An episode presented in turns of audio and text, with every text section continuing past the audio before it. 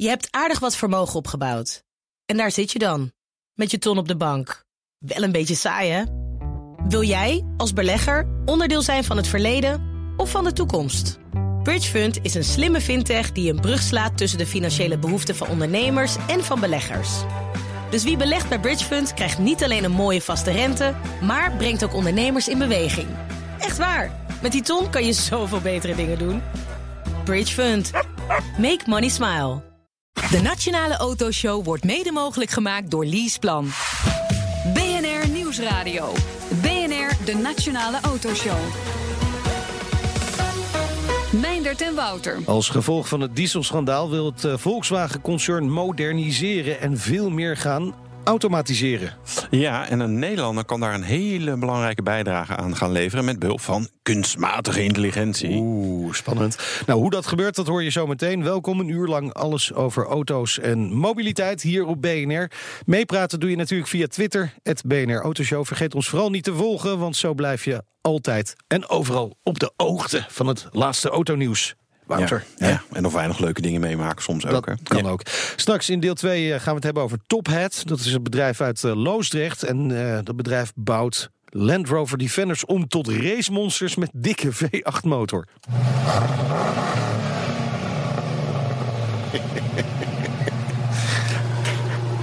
Het is totaal over de top. Ja, maar volgens mij is de Defender origineel ook wel, oorspronkelijk ook wel geleverd met een V8. Ja, oké. Okay. Maar wat minder vermogen. Dat denk ik ook, ja. ja. ja. Maar dat gaan we in het tweede Goed. deel wel even horen. Gaan we het zo over hebben. We beginnen vandaag met uh, professor robotica Patrick van der Smacht. Hij is nu ruim een jaar in dienst bij de Volkswagen Groep... als hoofdonderzoek kunstmatige intelligentie in het uh, Data Lab in München. En daarmee is hij toch ook een van de hoogst geplaatste Nederlanders... binnen het Duitse autoconcern. Welkom, leuk dat u er bent. Uh, geboren in Assen, gestudeerd in Amsterdam... maar al 22 jaar weg uit uh, Nederland. Dat is al lang. Ja, we hebben het even uitgezocht. Jeetje. Hoe, hoe bent u in Duitsland terechtgekomen? Het was een leuk uh, research instituut in, uh, in, in de buurt van München... die aan robotica werkt. Iemand zei toen tegen mij, dat is het MIT van Duitsland. Ja.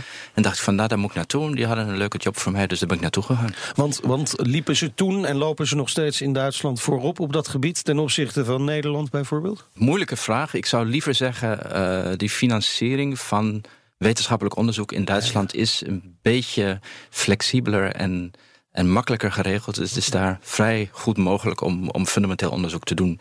En ik zie het in Nederland een beetje moeilijker. Waardoor is het makkelijker in Duitsland? Dat is vooral sinds, sinds Merkel er is. Is het duidelijk veranderd? Er is een hele duidelijk impuls geweest om te gaan werken aan fundamenteel onderzoek, om fundamenteel onderzoek te financieren, ondanks de crisis die er in de tijd was. En uh, schijnt te werken op zich is het natuurlijk mooi met fundamenteel onderzoek. Eigenlijk hoeft het helemaal niet te werken. Hè? Want je bent eigenlijk iets, iets aan het onderzoeken waarvan je totaal nog niet weet wat, er, wat je ermee zou kunnen. Dat, dat is juist. Dat is juist. Maar je hebt ook het voordeel dat je daardoor kennis maakt. Ja, know-how. Ja, nee, know-how ik, creation. Ik, ik, ja. En dat is natuurlijk het, hetgene waar je op bouwt. Je bouwt, je bouwt talenten, je bouwt mensen die dat kunnen doen. En, uh, en nou ja, dat, dat trekt ook weer andere wetenschappers aan. En resultaten komen er vanzelf uit. Beetje geld erin en er komt resultaten ja, komen nou, uit. Zo werkt het vaak wel natuurlijk. helaas. Ja, ja, ja dat is wel, is wel waar. Maar toch, uiteindelijk stap gemaakt naar Volkswagen. Daar ben ik dan toch benieuwd naar de beweegredenen daarachter en het hoe en waarom. Want ik, fundamenteel onderzoek en Volkswagen, dat vind ik nou niet zeg maar een match made in heaven. Dat is een, gewoon een commercieel bedrijf. Die willen geld verdienen. Dat, dat dacht ik ook. Ja, voordat ik er naartoe ging. En toen ik daar naartoe ging voor mijn interview, dacht ik van nou ja, goed, het is leuk om te weten wat de jongens doen. Maar ik zou er nooit gaan werken. Want die willen toch sowieso alleen maar, alleen maar auto's bouwen en zoiets dergelijks. Blijkt ja. dus helemaal niet waar te zijn. Het aanbod dat Volkswagen mij gedaan heeft, uh, is in principe om vrij te kunnen research te kunnen doen, te kunnen publiceren, net, je, net zoals je het universiteit doet. Alle methodes die we hebben, ook open source, vrij eruit te geven. Open source? Open source. Zeker. Dus als je iets, jij iets, iets, iets heel slims verzint, kan dan, jij het downloaden. Ja, en, ja. maar ook BMW en Mercedes ja, BMW, en Kia. Natuurlijk. Ja. natuurlijk. Oeh, Zonder beperkingen. Vinden ze dat niet lastig? Nee, helemaal niet. Dat is het hele principe van fundamenteel onderzoek. Dat je uitwisselt. Hè, dat je, dat je samenwerkt dat- met de dat- hele wereld. Ik begrijp dat, maar dat Volkswagen daar geld voor over heeft, want dat neem ik aan dat ze daar geld voor eh, over hebben, om ook de concurrentie inzicht te geven in wat er onderzocht wordt. De software die wij ontwikkelen is natuurlijk niet de laatste, de laatste software die een motor bestuurt in een auto. hè. Het is niet het eindproduct. Nee. Het is een voorstudie daarvan die fundamentele problemen oplost of oplossen kan. Die een deel van de wetenschap zouden moeten zijn. Ja. Zoals een universiteit het ook doet. Ja. Ja? En niet alleen gaat het om die software en die methodes, het gaat ook om het know-how dat, eh, dat gebouwd wordt. Ja, wat ik al zei aan het begin, het, is, het, is, zijn methodes, het is know-how, het zijn de talenten die erbij horen. En die blijven natuurlijk in de eerste instantie bij Volkswagen. Mijn interesse is het om met, met afdeling van, van in het heel Volkswagen bedrijf samen te werken Ja. Zodat zij onze methodes kunnen inzetten, kunnen gebruiken. Als iemand van BMW naar me komt en zegt van hoe gebruik ik jouw methode, zeg ik van nou ja, oké, hier kan je daarna lezen, kijk maar. Maar ik ga hem niet helpen. Nee, precies. Ja? En dat know-how, dat is natuurlijk een heel belangrijk deel van die methodes. Andere mensen kunnen het gebruiken, kunnen het verder ontwikkelen. Ben ik blij om. Die kunnen dat ook gaan eh, gebruiken in, in, in een product, wat dan ook. Of, of natuurlijk nieuwe publicaties maken enzovoort. Verder wetenschappelijk onderzoek. Maar uiteindelijk blijft het natuurlijk het eerste gebruik. Ja, dat ligt in eerste instantie bij Volkswagen. Ja, en daar zit dan het, eh, het verschil dus in.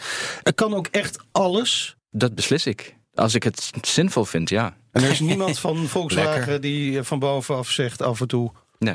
ik zou die kant op gaan. Nee, nee. Daar ligt onze behoefte. Zodra, zodra dat gebeurt, ben ik weg. Oké. Jullie vormen dan een vreemd clubje binnen Volkswagen. Want de rest is eh, eh, aan het kijken hoe, of de wieldop van een Polo nog goedkoper kan. En, en, en die hebben daar gewoon een target voor, stel ik me zo voor. En, en u zit daar in München met, met, met ook een leuk budget. En ja, ja, ja, wat eruit komt, komt eruit. Het is zeker belangrijk om geld te verdienen. En Ja. Het is zeker belangrijk om producten te verkopen. Zonder dat werkt het niet. Dus je hebt, je hebt dat zeker nodig, dat deel. Maar we weten ook allemaal dat het model om auto's te verkopen... dat gaat niet nog 50 of 100 jaar goed. Nee. Ja, over, over, ik weet niet hoeveel jaar, maar Nee. over, een, over een aantal jaren... gaat niet meer iedereen één of twee auto's hebben. Dat zijn er kan. zelf Ja. Mm, Ja. Gaan we maar vragen. Ik hoop het tenminste. Want er zijn nu al veel te veel. Je moet niet meer naar een model waar iedereen zijn eigen autootje heeft... om, om 's ochtends naar zijn werk te komen en weer terug. Je moet een model hebben waar mensen mobiliteit aangeboden wordt. Het gaat erom hoe kom ik van A naar B op de meest efficiënte manier. Of het nou geld is of tijd of wat dan ook, daar gaat het niet om. Het gaat op de meest efficiënte manier. En dat is het product waar Volkswagen naartoe gaat. Volkswagen is inmiddels ook geen automobielbedrijf meer. Het is een mobiliteitsbedrijf. Met mobiliteitsoplossingen. Precies. Het is bij ons altijd een klein gebbetje mobiliteitsoplossingen. Maar eh, u, u stuurt 20 man aan in het eh, Volkswagen Data Lab in München. Wat doen jullie dan precies daar om ervoor te zorgen dat Volkswagen in dit geval eh, die toekomst kan vinden? Wij eh, doen onderzoek naar methodes die data verwerken op een efficiënte manier. En daaruit optimale beslissingen maken. Dat is eigenlijk een hele rare definitie van kunstmatige intelligentie. En meer doen wij niet. Oké. Als u het zo zegt, denk ik, nou, hoe moeilijk kan het zijn? Hè? Nou, nou, het, is, het is niet zo moeilijk, maar dus is- ik heb ergens het woord optimaal gebruikt. Ja. En optimaal is een, is een term die kan je, die kan je wiskundig kan je die, eh, kan je daarmee werken. Ja. Daar kan je formules uit, uit afleiden of voor opstellen. En die formules die, eh, die zijn te complex om te kunnen berekenen. Dus moet je methodes verzinnen om die efficiënt te kunnen berekenen. En je moet methodes vinden om dan al die, die data die je hebt, cameradata of, of, of sens- andere sensordata, te kunnen verwerken. ehm, snel genoeg om daar een, een systeem mee te kunnen besturen. Of dat, nou, of dat nou een robot is, of een beslissing in een bedrijf, of een, of een, of een automobiel of een vliegtuig. Dat maakt voor onze methodes helemaal niks uit. En zo'n auto van een van die merken van het Volkswagen-concern, wat kan die daar vervolgens mee? Zelfstandig rijden, bijvoorbeeld? Dat zou bijvoorbeeld een toepassing kunnen zijn waar andere mensen in het concern Ja. aan werken met de methodes die wij ontwikkeld hebben. Dus is mogelijk. We zijn ook zeker in gesprek met mensen die, eh, die eh, met, met, met groepen die, die, dat, eh, die dat doen, die geïnteresseerd zijn aan onze methodes en kijken of ze daar iets mee kunnen bewerkstelligen in de komende, komende tijd. Ja. Ja. Maar daar werk ik niet zelf aan. Nee. En toch is dit dit, is, dit is best een lastig concept om een beetje te grijpen. Ik, in mijn hoofd vertaal ik het bijna eh, dat, dat u de hamers maakt waarmee de timmerman dan iets, gaat iets, iets gaat maken. Maar dat, dat, is, dat is een beetje wat, wat, wat versimpeling eh, van, van de werkelijkheid. Nou, klopt wel ongeveer. Alleen, Ja? alleen de timmerman zegt me niet wat voor een hamer hij wil hebben. Nee. Nee, ik, ik, ik ben een designer en ik maak een hamer die, die de mooiste kleuren die ik vind. Ja. Of, of die het lekkerst in de hand zit. En of, Ja. of iemand er dan opgrijpt. Nou ja, goed. Ik vind het leuk als hij het doet. Als hij het niet doet, dan heb ik toch plezier gehad. Ja, ja, ja, dat, ja, Ja, dat dus is een beetje de het wetenschapper Het is aan. Volkswagen om, eh, wat u voor de uitzending al zei eigenlijk... eh, aan Volkswagen is het om de problemen bij uw oplossing te vinden. Ja, precies. En- Wij en- werken aan oplossingen en we werken niet Ja, aan problemen. En, ja. en die oplossing die heet artificial intelligence en machine learning. Ja, ik, ik zeg liever dat we aan machine learning werken. Want Wat, wat is het verschil precies? Nou, niemand weet wat artificial Oh. intelligence is. Omdat niemand eigenlijk weet wat intelligence is. Ah. Ja, dat is zo'n beetje zo echt lastig. Dan kijk je naar, kijk je naar wat een ander mens is. Eh, Ja. Mensen zijn voor ons in het algemeen intelligent. Ja. Zo ongeveer is de hele grove definitie. Maar, maar als ik je nou vraag, is een, eh, is, een, is een kat voor een vlieg intelligent? Is, een, is een muis voor een kat intelligent? Is een kat voor een muis intelligent? Ja. En zo. Dat zijn, ik weet, dat zijn verkeerde, verkeerde vragen. Ja. En die kan je eigenlijk niet beantwoorden, want het concept bestaat er niet meer. Nee, En het is wel- grappig dat, dat, dat, u dat zo, dat u dat zo zegt. Want ik, ik snap wel direct wat u bedoelt. Dus dat, dat, is- dat is wel gek. Zo Dat intelligent ben je dan ook wel Ja, ja, ja. ja, nou, Dus dat- bij- ik, een, een, een, een voorbeeld, schaken. Ja. ja. 97 of zo, geloof ik, was, het, was het, eh, die match tussen, tussen Deep Blue en, Ja. en Ja. Kasparov. Daarvoor hè, zeiden we van, nou, als dat opgelost is, dan is kunstmatige intelligentie is opgelost. Ja. Maar inmiddels is het allemaal van, ja goed, het rule-based systeem, dat is allemaal saai. En, eh, Ja. Dat kunnen we, Dat- dat kunnen we makkelijker. makkelijk. Dat is Ja. makkelijk. Ja. Ja. met Go vorig jaar, door DeepMind eh opgelost. ja. Makkelijker ook. Eh, nou ja, is, is dus toch nog geen kunstmatige intelligentie. Zometeen, welke rol gaat machine learning spelen in de verandering binnen het Volkswagen-concern? Het antwoord hoor je zometeen. BNR Nieuwsradio. BNR, de Nationale Autoshow. Tijd voor het eh, nieuwsoverzicht van deze week. Er ligt eindelijk een regeerakkoord, Wouter. Hebben we even over, Ja. eh, op mogen wachten. Zullen we een weddenschap afsluiten? Of, of misschien ga jij wel met me mee. Ik denk dat ze langer hebben geformeerd dan dat ze gaan regeren. Oh nee, dat denk ik niet. Nee? Nou, nee, ik denk het, zijn zulke brave partijen die Ja. erin zitten. Die gaan dat wel volhouden, denk ik. Nou, Ja, die houden dat wel vol. Dus we kunnen er een weddenschap Oké, op uh, over, over 200 dagen weten we meer, hè? Zoiets Ja. is het. Ja. moeten we even kijken welke dikke auto we daar dan op zetten. Precies. even de belangrijkste mobiliteitsplannen in het regeerakkoord. Eh, het Ja. nieuwe kabinet streeft ernaar dat uiterlijk 2030, 2030 alle nieuwe auto's emissieloos zijn. Ja, en het, het trefwoord hier is natuurlijk streeft. Dus dat Ja. is niets. En daarbij zeggen ze ook... Uitfasering van de fiscale stimulering van emissieloze auto's... wordt in lijn gebracht met deze ambitie. Dus we gaan in ieder geval uitfaseren, maar Ja. we brengen het wel met, maar wat in betekent lijn dat? met... Dus de elektrische Nou, auto's waar je nu 4% bl- bijtelling over betaalt als je hem nee, leest, dit, dit, dit, dat, dit- dat gaat gewoon straks naar 22 Nee, ja, nee, ja, in 2030. Ik, ik, ja, geen, niemand weet het. Nee, weet je, lekker vaag. Nee, dit is, dit is heel vaag. Eigenlijk zeggen ze niks over Oké, mobiliteit. ja, wacht even, probeer het toch nog Nee, even. ze zeggen ja, niks. eh, kilometerheffing voor vrachtwagens, heel concreet, gaat er gewoon komen. Niet voor auto's? Nee, niet voor auto's. We gaan pilots uitvoering in samenwerking met de Mobiliteitsalliantie. En de Mobiliteitsalliantie is iedereen zeg maar, die ook, ook maar een, iets met een auto heeft. Van Ja. de rijvereniging tot NS volgens mij. En de BOVAG. En weet ik voor wie zit er al? ANWB. Moet ik nog meer mensen noemen? Nee. Leasemaatschappijen. nou ja, iedereen zit erin. En dit mag dan niet leiden tot een systeem van rekeningrijden. Oh. Dus dan ga je weer. Zo van, ja, we gaan, eh, nou, we gaan vrachtwagens gaan we wel Eh, enorm regering is vooruitschuiven, Wouter. Ja, ja, Ze ja. moeten De- kleine de- stapjes maken om uiteindelijk ergens te komen. Ja. Eh, nog zo'n hele concrete. Komende drie jaar 2 miljard euro naar infrastructuur. Ja, die is Nou, wel lekker, lekker toch? concreet. Ja. Maar er moet structureel ook nog 1 miljard euro extra per jaar Vindt de erbij. mobiliteitsalliantie. Vindt, ja, dat vindt die mobiliteitsalliantie. Ja, dit is het enige concrete. Hè. Zeggen, nou, hier 2 miljard. Ja. Veel plezier. We gaan. Even lekker asfalteren ergens. Ja, ik weet niet of dat alleen maar asfalteren wordt. Nee, dat vrees ik ook niet. Nee, we, gaan ook nog iets leuks doen met, met, met, met ja, slimme mobiliteit. En beter benutten. Nou, noem het allemaal op. Spitsstroken worden vaker opengesteld. Hartstikke goed. Ja, Denk ik wel, toch? Jongens, laten we gewoon die camera's wegslopen. En dat gewoon eh, rijstroken Oh, noemen. Dat is, dat is natuurlijk makkelijker. en, en de lichten gaan weer aan, s'nachts. Ja, want dat was natuurlijk enorm gevaarlijk. Dat je een keer in het donker Nou. moet eh, rijden. Ja, Ik vind het soort natuurlijke selectie. Als je dat niet meer kan, dan moet je ook gewoon s'avonds niet Ja, maar weg het is op. straks nee. helemaal niet meer nodig als die auto's dat allemaal zelf kunnen, joh. Nee, dat is dan wel weer waar. Kunnen ja. er al die lichten weer uit. Ja. BNR Nieuwsradio. De Nationale Autoshow. Onze gast vandaag, professor robotica Patrick van der Smacht, hoofdonderzoek kunstmatige intelligentie, of eh, wat moeten we zeggen, Eh, machine learning hè, eigenlijk, in het datalab van de Volkswagen Groep in eh, München. U kwam ruim een jaar na het losbarsten van het dieselschandaal bij het Volkswagen-concern binnen. Dus mensen die dachten, oh, hij is misschien wel van die Schummelsoever, dat bent u niet, hè? Ben ik niet. Ik, Nee. heb, ik heb zelf zo'n autootje gehad. Oh ja? Ja. Ja. Baalde u daarvan? Ja, ik, vond, ik heb ervan gebaald. Maar ik heb Ja. een paar maanden geleden aan, eh, verkocht aan iemand in Oost-Europa. En ik Oh, heb eh, krijg je nou, toch wel wat goed voor? betaald. Ja, toch Goed wel? betaald. Geen probleem. Oh, oké. Ja, probleem ja. opgelost. Wel erbij gezegd dat die uh, ja, erin natuurlijk. zat. vond Ja. hij niet erg. Was er alleen maar blij mee misschien. Ik- wie weet. En met de heersende westenwind. Ja, ik weet niet of het in München ook westenwind is. Ja, hebben we daar geen last van natuurlijk. Eh, zou het theoretisch, zeg maar, met, met de hamers die u maakt... eh, je hele goede Schumel-software kunnen maken? Of juist niet? Even zo'n gekke vraag Je, tussendoor. je, kan- je kan er waarschijnlijk ook atoombommen mee maken. Ja, alles kan. Ja. Maar daar is niet voor bedoeld dus. Nou, als iemand het wil om daar een betere atoombom mee te maken, dan kan ik hem er niet. Is het niet Je- mijn, mijn, nee, mijn, nee. Mijn, mijn zorg om, daar, om dat te verhinderen. Ik, Nee. zou het, ik zou het niet leuk vinden, Nee. Nee. maar ik kan het niet verhinderen. komen we toch al een beetje bij de mensen die waarschuwen voor machine learning, artificial intelligence. Eh, Elon Musk bijvoorbeeld, die waarschuwt ervoor. Hè, de ja, gevaren die er zijn rondom robots, robotica.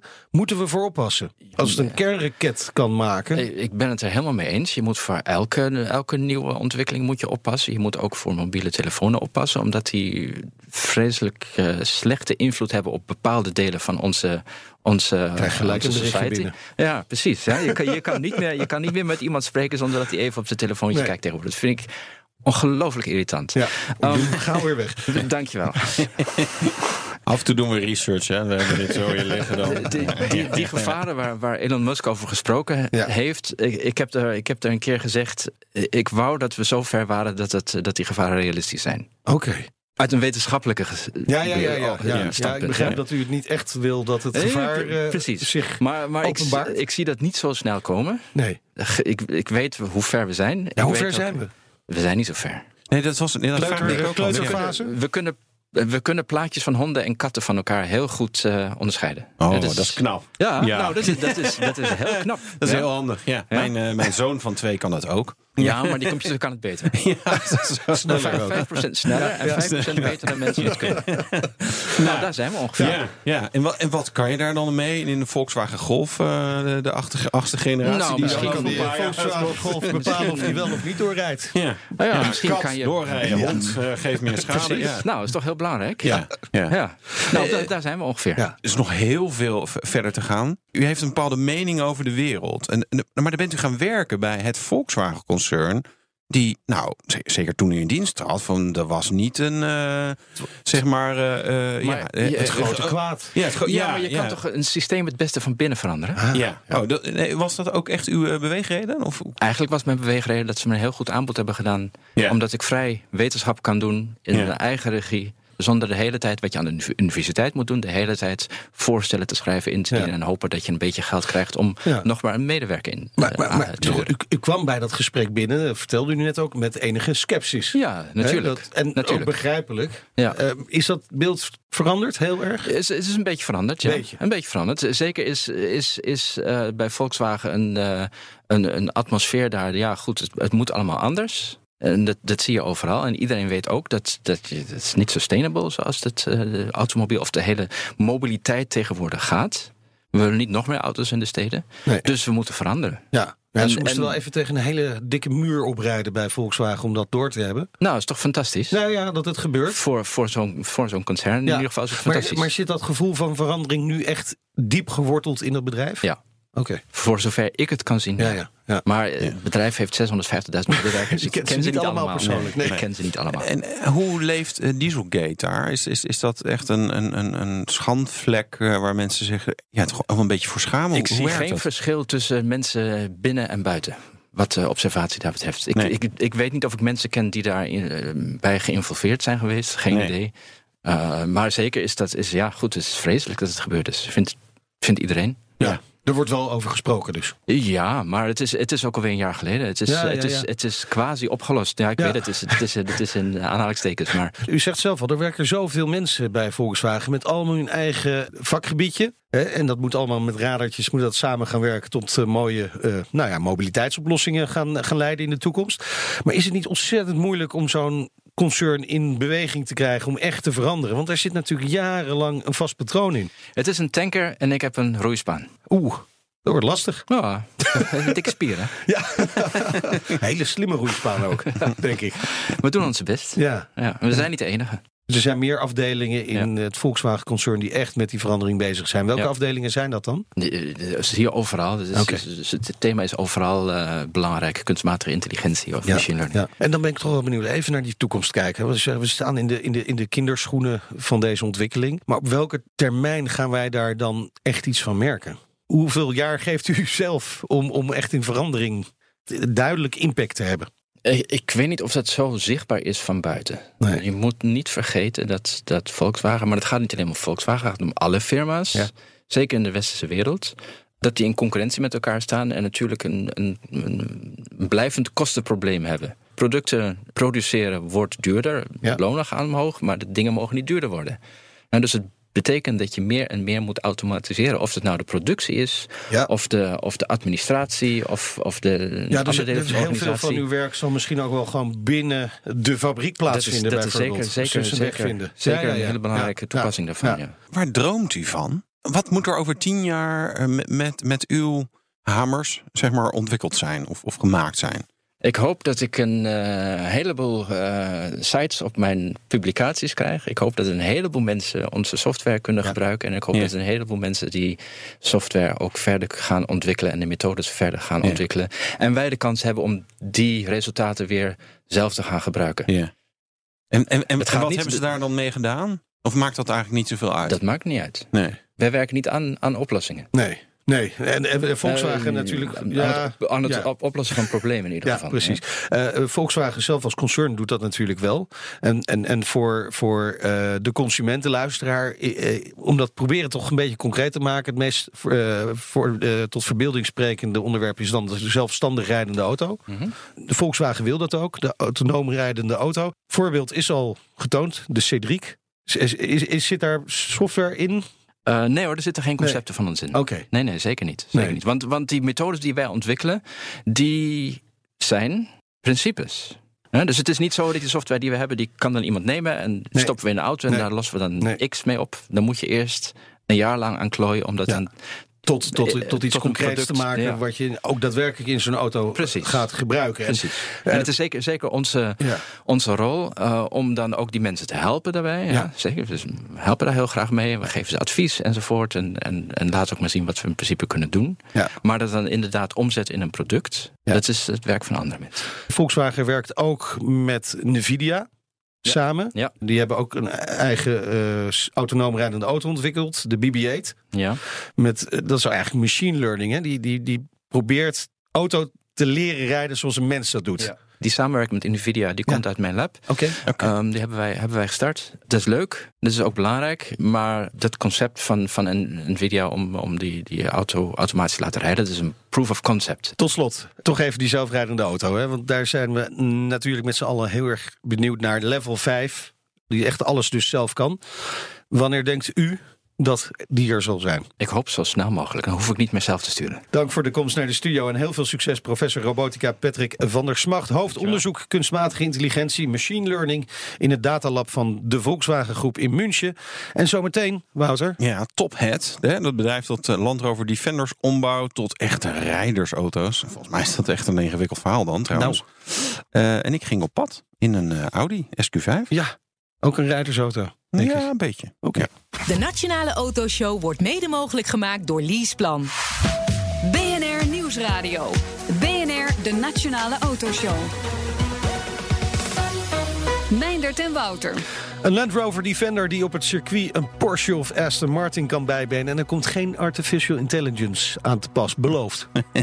Ja, het bestaat, echt waar. Ja, ik, ja, ik ben wel benieuwd, hoe- want het stuurt natuurlijk nog steeds. Ja, het is, een, ja, nou ja, weet je, het is wel gewoon een hoge bus natuurlijk. Maar goed, Ja. het bedrijf eh, Tophead uit Loosdrecht, eh, ja, die bouwt Defenders om tot iets ja, heel anders. Ja, we zullen zo horen wat. We rijden ook in de Audi SQ5, tenminste Wouter doet dat. Een auto die een hoop kan hebben. drempels, hobbels, klein beetje offroad. Het maakt allemaal niet uit. Nou, wil je nou meepraten met onze show? Dat kan via Twitter, het BNR Autoshow.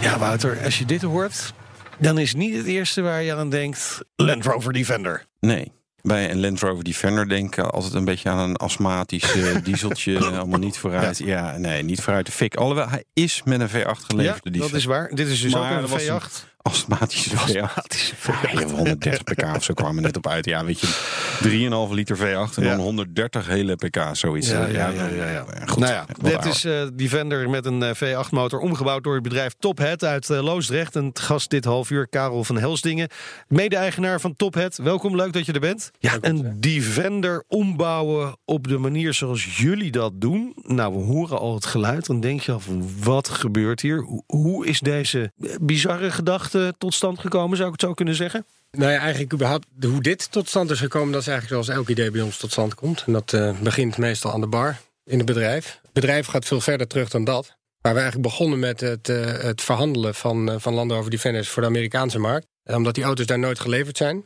Ook niet de laatste jaren, gewoon überhaupt niet, omdat ze niet aan de veiligheid en emissie-eisen voldoen. Ah, oké. En als een auto eh, 25 jaar of ouder is, dan is hij vrijgegeven voor die regels. Dan mag het opeens wel. Ja. Dus toen de Defender 25 jaar oud werd, werd hij heel interessant voor de Amerikaanse markt, omdat het toch een icoon is wereldwijd. Eh, alleen hij is daar niet. Tegelijkertijd, als je 25 jaar oude Defenders gaat verkopen aan de Amerikaanse markt, dan verwachten zij heel wat meer dan wat ze gaan krijgen. Want de gemiddelde 25 jaar oude Defender hier in Europa, die is ongeveer rijp voor de schroothoop. En als Amerikaan daar veel geld voor neerlegt, dan eh, verwacht hij heel wat anders. Ja. Dus, Maar even, want je zou natuurlijk elke auto van 25 jaar oud naar Amerika kunnen importeren om eh, eh, die daar te verkopen. Waarom de Defender? Is die zo populair in Amerika? Ja, het is een, een van de weinige, zo niet misschien wel de enige auto eigenlijk eh, in, in zo'n klasse die daar gewoon nooit geleverd is. Ook later niet. En die wel nog steeds in productie nou, was toen we Ja, ermee ja, begonnen. ja. Nu inmiddels niet meer. Maar, Ja. Dus mensen wilden er heel graag eentje. En daar kom je later op. Dat ze er eentje wilden met een jonger uiterlijk. Die dan wel 25 jaar oud was. Maar pakken jullie dan eigenlijk feitelijk het chassisnummer en, en, en, en, en, en je wil zeg maar gewoon een volledig nieuwe Defender bouwen? Hoe, hoe werkt dat? Nou, dat is ook waar het in het begin eh, een beetje fout is gegaan bij heel veel mensen. Ja. Daarom zijn ze ontzettend streng bij de grens nu met de import van Defenders. Omdat er heel veel bedrijven waren die inderdaad dachten... oh prima, ik koop een 2013 eh, Defender. Ik sla er nou het nummertje in en ik stuur hem op. Ja, ja. En die, die customs officer daar, die denkt... oh, dat is weer zo'n vierkante doos, laat maar gaan. Die kent die dingen toch niet. Nee. Totdat ze erachter kwamen. En daar zijn ze ontzettend streng op geworden. Dus eh, het ouderwetse omkatten, dat eh, gaat hem niet worden in Amerika. Nee, we gebruiken wel echt de hele oude auto. Eh, in ieder geval zoveel mogelijk. Mm, Dat is met een volledige restauratie. Met wat wij nu bouwen voornamelijk. Daar blijven weinig originele onderdelen van over aan de onderkant. Ja, want jij roept de restauratie, maar dit, dit gaat veel verder, toch? Ja, hoe moet je het omschrijven? Wat was de beste omschrijving? Nu weet je, Jullie verkopen het, dus jullie zou, je zou het beter moeten veranderen weten. jullie precies allemaal? Ja, veranderen. Nou ja, we doen twee dingen. We kunnen ook gewoon volledige restauratie. We kunnen ook als iemand een, een Series 1 wil hebben, helemaal origineel gerestaureerd. Dan doen we dat natuurlijk ook. Oké. Eh, maar waar wij mee kwamen tijdens die restauraties van die auto. Is vooral de tekortkomingen die wij vonden dat de Defender van zichzelf had, om die te gaan aanpakken. Je zit scheef achter het stuur, hij rijdt beroerd. Ja, hij rijdt beroerd, hij, hij is- beroerd, hij valt om bij de eerste, eerste de beste bocht. Eh, hij is niet vooruit te branden. Nee. Eh, hij is oncomfortabel. Dus alles wat ik nu zo op af te kraken aan de auto's die ik bouw, Ja. dat proberen wij dus goed te Ja, maken. maar er zijn ook heel veel mensen die dan zeggen... dat is nou eigenlijk juist de charme van een Defender. Daar wil je uiteindelijk, en na een weekje ben je er ook wel een beetje aan gewend... heb ik uit eigen ervaring. Ja, dan zit je scheef achter het stuur. Nou ja, so what. Ja, Het hoort er een beetje bij. ja, daar waren wij niet helemaal mee eens. Oké. Wij willen dat we er voornamelijk gewoon een rijdersauto van maken. We houden ontzettend van de looks van die auto en, en van, de, van, van de uitstraling van het hele ding. Maar ik wil het liefst wel gewoon een auto dat als ik iemand aan het inhalen ben op de linkerbaan en diegene naast mij die geeft net iets meer gas, dat ik niet weer terug erachter hoef te gaan hangen. Ja. Of dat als ik 120 rijd, dat ik niet drie handen aan mijn stuur moet hebben om eh, van baan te verwisselen. En daarbij willen we gewoon iets bouwen wat leuk is. Dus je hebt natuurlijk de echte Land Rover puristen. Ja. Ja, die zullen hier waarschijnlijk niet zo snel voor gaan. Nee, die zullen het misschien Maar er zelfs zijn een verschrikkelijk hele vinden. hoop maar- mensen die Ja. net zoals wij wel houden van En, die en, luxe. en geldt dat met name ook voor Amerikanen... die dan gewoon toch gewoon meer luxe willen... comfortabelere auto. Nou, bij Amerikanen heb je nog een heel ander verhaal. En dat is, die kennen überhaupt die Defender niet. Nee. Dus die zijn Amerikaanse auto's gewend. En die, die willen zo'n ding kopen omdat ze hem kennen van plaatjes. Maar Ja. die weten echt helemaal niet hoe dat ding rijdt. In Europa weten de meeste mensen inmiddels wel hoe zo'n ding Ja. rijdt. En die nemen die dingen voor lief. Ja. Eh, een Amerikaan heeft hele andere verwachtingen bij zijn auto. En wat willen ze dan? Power. Een V8-motor. Power willen ze sowieso. Overigens is het wel grappig, want in Amerika rijdt niemand alsof ze veel power hebben. Nee. het is Nee. allemaal wegtokkelen bij dat stoplicht tot aan het volgende stoplicht. Maar ze hebben allemaal 4, 5, 600 pk in die auto zitten. Maar ze gebruiken het nooit. Maar toch willen ze het. Ja. Nou ja, zoals wij ze bouwen kun je er wat meer mee dan tokkelen van het een naar het andere stoplicht. Ja. Kun je overigens ook heel goed hoor. Maar Wat gaat er dan concreet onder de motorkap? Wij gebruiken de 6,2 liter V8 van, eh, van GM erin. In, in allerlei Lekker. formaten. Het kan Ja. van een LS3 zijn. eh, eh, en je hebt nog veel meer varianten van die familie. Met, met zonder superchargers, alles erop en eraan. Ja. Dat is een motor die relatief betrouwbaar is. Techniek is nog relatief simpel. Wel heel veel vermogen, heel veel koppel uitkomt. En helemaal voor de Amerikaanse markt. Dus elke monteur in Amerika kent die dingen. Ja, Eh, dat is en de wel onderdelen zijn goedkoop en, eh, en makkelijk Ja. te verkrijgen. ja. Maar En- moet je niet ontzettend veel aanpassen om die motor erin te krijgen? Jazeker, dat is precies wat we hebben gedaan. We hebben eh, jarenlang aan ontwikkelwerk erin zitten... om eh, niet alleen die motor erin te hangen. Je hebt meer bedrijven die dit doen. Ja. En die hangen er inderdaad een, een, zo'n, zo'nzelfde V8 in. En die doen het dan alleen met een automaat. Want hun redenatie is dat die automaat... die geeft de vermogen en de koppel wat geleidelijker af... aan de rest van de Land Rover aandrijflijn. Ja. Dus dan gaat het niet zo snel kapot. ja. denken die, dat aandrijflijn kan het eigenlijk gewoon niet aan. Nee, dus wij vonden dat gewoon een onzinargument. Wij zeggen, als wij zo'n motor erin hangen... dan moet ook wel die auto dat aan kunnen. ja. En ook met een handbak, juist... Ja. Dat maakt het ook meer een rijdersauto. Ja. Eh, dan moet hij het ook aan kunnen. Dus we hebben alles onderhuids aangepast. Van de motor tot aan de, de, de compleet eigen ontwikkelde tussenbakken. Ja. En, en, en eh, sperdifferentiële voor, achter in de tussenbakken. Remmen, setups, eigen dempers ontwikkeld met Koni. We hebben echt, alles is aangepast eh, onder in die auto. Ja, ik heb zo'n bak hier eh, staan. Die moet ik niet eh, van het eh, bureau laten vallen op mijn tenen. Maar wat is hier dan precies anders aan? Nou, dit is er überhaupt niet. Ehm, als je die eh, eh, normaal met die automaat, die andere erachter hangen, heb je een soort Ja. pasplaatje ertussen met een extra los asje. Die hem in de, in de tussenbak schuift en dat is het. Dit is daadwerkelijk het startstuk van de versnellingsbak. Dus daar zitten ook nog de laatste versnellingen zitten, zitten daarin. Ja. Eh, en dan gebruik je meteen de uitgaande as van de versnellingsbak als ingaande as voor je tussenbak. Oké. En dan in de tussenbak gebruiken we de originele behuizing, maar alles daarin is eigenlijk eh, aangepast. Dus geen eh, originele kleine tandwieltjes meer. Het, het, het klinkt wel ontzettend ingewikkeld om dat allemaal te moeten aanpassen. Je doet eigenlijk iets wat niet kan met, die, met een Defender. Ja, maar dat is ook een beetje de uitdaging. ja, ja. Dat dacht ik. ja. En, en, en, eh, vooral jouw compagnon die gaat die uitdaging, die technische uitdaging aan, hè? Zeker. Eh, Alex, eh, mijn compagnon, Alex die, eh, Zeeman, die, ja. ja. die, is, die is echt de engineer van ons tweeën. Ehm, en die heeft eigenlijk het hele, de he- alle, alle wijzigingen aan die auto eh, nou ja, bedacht eh, en, en verder uitgewerkt. En samen natuurlijk met de rest van het team wat we hebben, met technisch tekenaars en, eh, eh, en monteurs en dat soort dingen, eh, uiteindelijk uitontwikkeld en, en getest en gedaan. En dan komt er dus een, een, een eh, V8 van GM, van, de, van de Corvette. Ja. Komt erin te liggen. Die heeft 430 pk. Normaal gesproken instapmodel. Ja, dat is die LS3. En Ja. dan heb je de opvolger, die heeft 450 pk. En eh, je kan eh, tot eh, 650 pk. En als je die nog wil, kun je hem ook nog eh, eh, verder opvoeren. Je kan naar 850 pk gaan. Als je, je kan het zo gek maken als je zelf wil. En dat klinkt dan zo.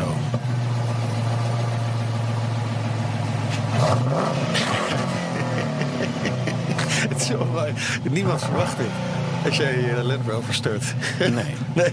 nee. Dat is ook meteen het leukste. Ja, dat is wel. ding. Eh, En voor de luisteraars die het niet weten, je kunt bij GM gewoon die motoren kopen. Hè? Dat is Ja. gewoon. eh, de- Is er een webshop of is het... eh, Ja, je kan gewoon op ja, de? GM-website kun je gewoon een motor bestellen. Je kan zelfs hele connect- en cruise packages bestellen met alle elektronica, alles erop en eraan. Zometeen veel meer over het bijzondere verhaal achter de Defenders van Tophead. En we gaan rijden met de Audi SQ5. BNR Nieuwsradio. BNR, de Nationale Autoshow. We gaan rijden. De rijimpressie.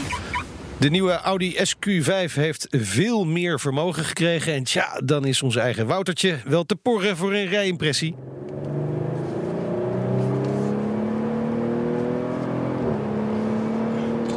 En volgens Audi is dit de sportiefste vorm van ruimte en gebruiksgemak. Ik wilde daar graag gaten in schieten in die bewering, maar het is wel een beetje waar. Hè. Dit soort auto's, hè, dus die premium SUV's, hoeft niet eens de allergrootste te zijn, zoals de Q7, maar hè, dit dus, de Q5, SQ5 in dit geval. Ruimte, ja, eigenlijk wel genoeg, denk ik, voor de meeste mensen. Je kunt er gewoon alles mee. Hè? Dus spullen verhuizen, mensen vervoeren, tot vijf stuks, dat, dat dan weer wel. Hè? De wat grotere premium SUV's, daar kunnen dan achterin bij de kofferbak zeg maar nog twee mensen. En maar verder kan hij alles. Hij is bloed en bloedsnel. Hij maakt een mooi geluid. We gaan even afremmen. Dan gaan we even vanaf, nou het doen, 60 of zo, even vol accelereren. Hij staat in dynamic, betekent dat de klep in de uitlaat open staat. Sportstand van de automaat en dan vol op het gas. Nieuwe V6 met turbo, 3 liter groot, 354 pk. Nou ja, allemaal indrukwekkende cijfers. 5,4 seconden naar de 100. Topsnelheid, nou ja, je kent het. Naar goed Duits gebruik afgeregeld op 250 km per uur. Dat haal je ook, ook wel hoor, in auto's zoals dit.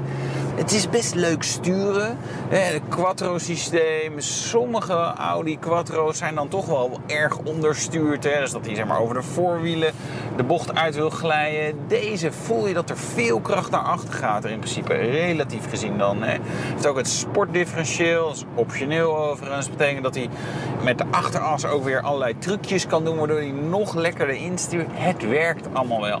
En tegelijkertijd is het ook gewoon een auto waarmee je lekker overzicht hebt. Zit wat hoger. Kan ook in een comfortstandje worden gezet. Dat zal ik nu even doen met Audi Drive Select Comfort. En dan kom ik toevallig op een drempel af. En in normale, wat sportievere auto's denk je... Oeh, drempel, ik zal eens afremmen. Ik rij nu gewoon met 100 door. Het is op 80 weg, dus moet kunnen. Mag je officieel 60 of zo. Maar even voor hè, het wetenschappelijke journalistieke demonstreren. Jullie hoorden niks, jullie hoorden mij niet. Ah, ah, wat ik voor, wat ik voor een gek doen. Het is gewoon een auto, het type auto, die SUV's, die sportievere SUV's. Deze van ook luchtvering, drempels, hobbels, klein beetje offroad. Het maakt allemaal niet uit. Makkelijk inhalen op B-wegen, ja, kan die ook. Eh, Op topsnelheid, op de autobaan blaffen, ja, kan ook. Wat dat betreft echt briljant. En die nieuwe Q5 is ook gewoon een fraaie auto geworden. Die vorige die ik testte was een viercilinder met de befaamde S-tronic bak met dubbele koppeling. Wel een automaat. Vond ik niet zo fijn. Deze heeft gewoon weer een reguliere automaat. Tiptronic, achteraf, werkt gewoon prima. Hij is er vanaf 94.000 euro, maar dit exemplaar met bijvoorbeeld 21 inch velgen, waardoor er 2800 euro extra BPM, CO2-tax op wordt geheven. 2800 euro daarvoor alleen al, velgjes 2100 euro, een ander kleurtje, ook 3 mil. Het loopt allemaal op 127.000 euro en dat is erg veel geld voor wat niet de grootste en ook nog niet de snelste SUV van Audi is. Aan de andere kant, heb je nou heel veel meer nodig? Nee, dat dan ook weer niet. Ja, de Audi SQ5. Leuk, Wouter. Ja, Toch wel. hè? ja toch wel. Ja, Het is wel zo'n auto, je kunt er gewoon alles mee. Ja. Ze zijn echt wel fijn. Ja, en dat heb jij dan ook gedaan natuurlijk. Eh, veel meer vermogen. Is dat dan ook die 30.000 euro meer waard? Nee, ja, maar ja, dat is een beetje CO2-tax die daar overheen eh, vliegt. Hè. De vorige SQ5 was een diesel, dit is een Ja. benzine. Ja. Ze hebben wel gezegd, ja, we, het- volgens, ik, ik denk dat ze wel bezig gewe- geweest zijn met een diesel, maar dat, dat, ja, dat is even niet eh, opportun om dat uit te brengen. Eh, of die nog komt, durf ik me wel af te vragen. Ja. Dus ja, dat, dat is gewoon in Nederland. Hè. De- je krijgt meteen die CO2-strafheffing eroverheen. Oké. helaas. Dan uiteindelijk het eindoordeel. Hele mooie velgen. Ah, ja. BNR Nieuwsradio.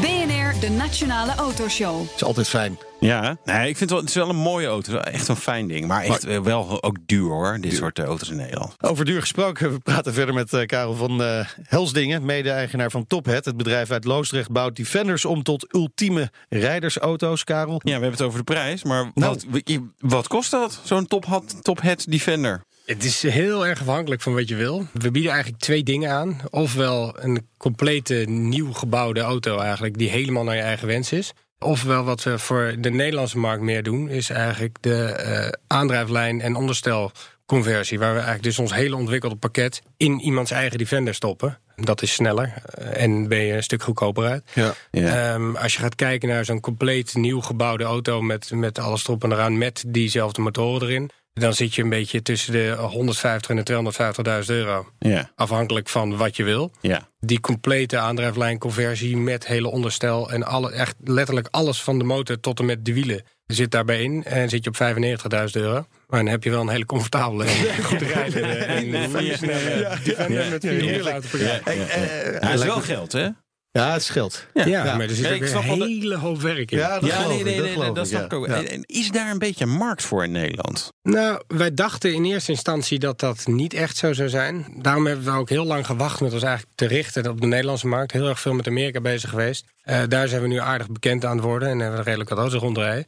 De Nederlandse markt eh, zijn we eigenlijk pas nu sinds kort een beetje eh, aan het betreden. Maar dat gaat eigenlijk best wel goed. Er komen best wel veel mensen uit Nederland die dit ook eigenlijk wel willen. Ook hier geldt weer, het is een icoon die niet meer gemaakt wordt. Nee. En er zijn heel veel mensen die er wel graag dagelijks in willen rijden. Of hem als speeltje willen hebben, maar dan wel wat anders willen dan, eh, Ja. Dan dit. En trouwens, als je een nieuwe Defender 110 kocht eh, begin 2016... Ja, dat was ook... op geel kenteken, dan kost Ja. het ding je ook bijna 150.000 euro. ja, eh, ja, en dat had je 122 pk. Ja, dat is, dat En viel die om bij de eerste volgende Ja, dag. ja, CO2, hè? Ja, ja, ja, dat is echt. eh, maar ja, voordat, jullie, voordat jullie met zo'n eh, project kunnen beginnen, moet je natuurlijk eerst een geschikte Defender vinden, Ja. ergens. Ja, ja, is, is dat lastig? Het vinden van die 25 jaar oude Defenders is inmiddels best wel een, een, een moeilijk ding geworden. Ik bedoel, iedereen die in die hele Land Rover wereld zit... die weet natuurlijk inmiddels van die Amerikaanse eh, markt. Dus eh, als er nu zo'n auto ergens, waar dan ook in Europa, op internet komt... is dat ding eh, binnen een kwartier verkocht. Dus Zo hebben ook iemand fulltime aan het werk... om alleen maar auto's te zoeken. En onderdelen en dat soort dingen. Waar moet zo'n auto aan voldoen? Ehm, Het mag natuurlijk wel oud zijn. Ja, kijk, dat is dan wel weer prettiger voor ons ten opzichte van veel handelaren. Bij ons maakt het niet zoveel uit. Als hij maar zo min mogelijk roest heeft. Als alle olie eruit loopt, nou, wat het eigenlijk bijna altijd al doet bij een Defender. Maar dan eh, weet je, nooit onderhouden Bij is. mij in eh, de lekt, die- maakt die uit. Daar lag dan standaard inderdaad zo'n kartonnen plaat eh, onder. Helemaal doordrenkt met olie.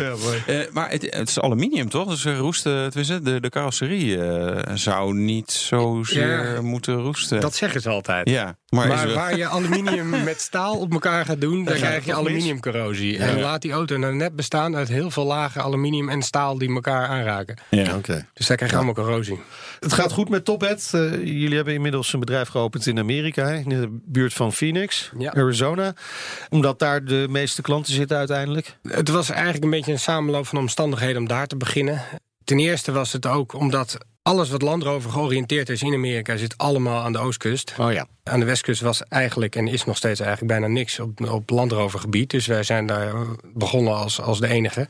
Overigens verkopen we die auto's nu door heel Amerika. Eh daar gaan er net zoveel naar New York als naar Californië toe. Dus dat maakt niet meer zoveel verschil. Daarbij was het ook wel een uitdaging om die auto's goed te kunnen bouwen voor in een klimaat waar het gewoon weken per jaar eh, 50 plus graden Ja. Celsius is. Want je kan je voorstellen dat alles daar kapot gaat. Alles van Ja. kunststoffen, rubber, alles, alles is gewoon heel snel kapot. Dus als je daar een goede auto kan bouwen, Dan kun je het overal. dan kan je het overal wel Ja. volhouden. Eh, Elke auto die daar verkocht wordt, die begint wel in Nederland. En we doen eh, de basisrestauraties eigenlijk hier. Ja. Eh, dan gaan ze naar Amerika wel met de originele aandrijflijn weer erin. Voor import, dat? eh, dat is weer Oh, voor de import oké, erin, eh, omdat het de originele auto moet zijn. Ja. Dus we hebben daar heel erg goed contact over. Met de autoriteiten dat we, kunnen, dat we precies weten welke dingen we wel en niet al mogen doen hier. Dus eh, dan gaat die auto daar naartoe. En als hij in Amerika is, ons Amerikaanse bedrijf doet dan eigenlijk eh, de hele aandrijflijn eh, wissel verder. Moet zo'n auto dan wel rijden? Want ik- je riep net van, goh, het maakt niet uit in wat voor staat die is en hoeveel olie eruit loopt. Maar ik kan me voorstellen dat je ook wel eens een projectje koopt dat, dat, dat het niet meer doet. We hebben heel veel projecten die het niet meer doen als ze binnenkomen. Ja, maar, als ze eruit gaan, moeten ze wel rijden. Moeten ze rijden, maakt niet uit moeten ze wel gewoon goed rijden naar de DMV toe. Ja, weet je, ze ja, moeten wel daar gewoon op kenteken gezet kunnen worden. Jeetje. Ja. Dus hij moet wel, ze gaan wel ook echt rijden met die auto daar. Ja. moeten het wel doen. Ja. Dus Ah, oké. oké. En, heeft- en, en dat zijn dan diesels vaak, toch? Die, die meestal. Meestal wel. In die Ja. oude jaren heb je er ook nog wel wat V8 tussen zitten. Ja, ja. Ja. Maar het meeste is diesel. Ja. Is hier in Nederland ook gekeurd, de auto? Door Ja, de. RDW? Je hebt zelfs het keuringsrapport bij je. Ja, dat klopt. Het, eh, eh, het was toen we daar aankwamen, het was wel grappig. Wij, eh, het was een, een 86er eh, 90, dat was onze test- en demo-auto. Dat ding had origineel 6, of, eh, 68 pk, geloof ik. Ongeblazen dieseltje was het. Die jongen daar, die deed de motorkap open en die wist niet wat hij zag. Die, dat was waarschijnlijk nog nooit eerder in Nederland gezien. En die wilde toch wel eventjes dat we naar Lelystad toe gingen voor een weggedragtest. Omdat die van 50 naar 423 kilowatt toe ging. Toch maar even die elandtest. Dus eh, ja, en, Gewoon eh, in- 8,5 keer zoveel vermogen. ja, het is, eh, het is fantastisch. Ja. Briljant. Maar hij is goed gekeurd. nou nog meer? Hij is goed gekeurd. Nee, hij is goed gekeurd. We hebben elke test eh, gedaan daar, eh, daar in Lelystad. Eh, Inderdaad, elandproeven met 95 km per uur... waar je gewoon eh, met vlaggenwimpel doorheen ging. Dat is toch wel een mooie bevestiging dan ook. Dat je een goed product hebt gebouwd. Eh, ultieme droom is het bouwen van een eigen auto. Ja, ik denk dat dat eigenlijk de ultieme droom is van iedereen natuurlijk die in de, in de autobusiness zit. Eh, Alex en ik hebben er eh, redelijk vaak over, eh, over zitten brainstormen al. En die eigen auto die gaat er komen. Ik weet alleen nog niet wanneer. En wat wordt het? Wat het exact wordt, weten we nog niet. Maar het moet in ieder geval. Wij worden altijd een beetje moe van al die supercars die allemaal uitgebracht worden. Allemaal met 1000 pk en, en 5 centimeter hoog boven de grond. En laag en breed. En waar je eigenlijk niks mee kan. Wij willen gewoon een supercar bouwen die overal hard kan. Of het nou onroad is, offroad, over drempels, maakt niet uit. Ja. Nou, jullie hebben aardig wat ervaring inmiddels. Hou Soort- op de hoogte. Een Als soort het, eh, eh, Lamborghini LM002. Ja. Zo, ja. die, eh, Ja. ja. zoiets. nou, als het zover is, dan zien we je hier graag terug in de studio. Voor nu, eh, dank voor de komst. Karel van Helsdingen, mede-eigenaar van Tophead. Wouter, volgende week Ja, een hele bekende Nederlandse autodesigner. Die hebben we dan eh, te gast. met Clio's. Ja, zoiets ja. Dat soort dingen. Vergeet ons niet te volgen via Twitter. Check Facebook, Instagram. Download de uitzending via de podcast, Spotify of in de BNR-app. Tips en vragen mail autoshow.bnr.nl De Nationale Autoshow wordt mede mogelijk gemaakt door Leaseplan. Je hebt aardig wat vermogen opgebouwd. En daar zit je dan, met je ton op de bank. Wel een beetje saai, hè? Wil jij, als belegger, onderdeel zijn van het verleden of van de toekomst? Bridgefund is een slimme fintech die een brug slaat tussen de financiële behoeften van ondernemers en van beleggers. Dus wie belegt bij Bridgefund krijgt niet alleen een mooie vaste rente, maar brengt ook ondernemers in beweging. Echt waar, met die ton kan je zoveel betere dingen doen. Bridgefund. Make money smile.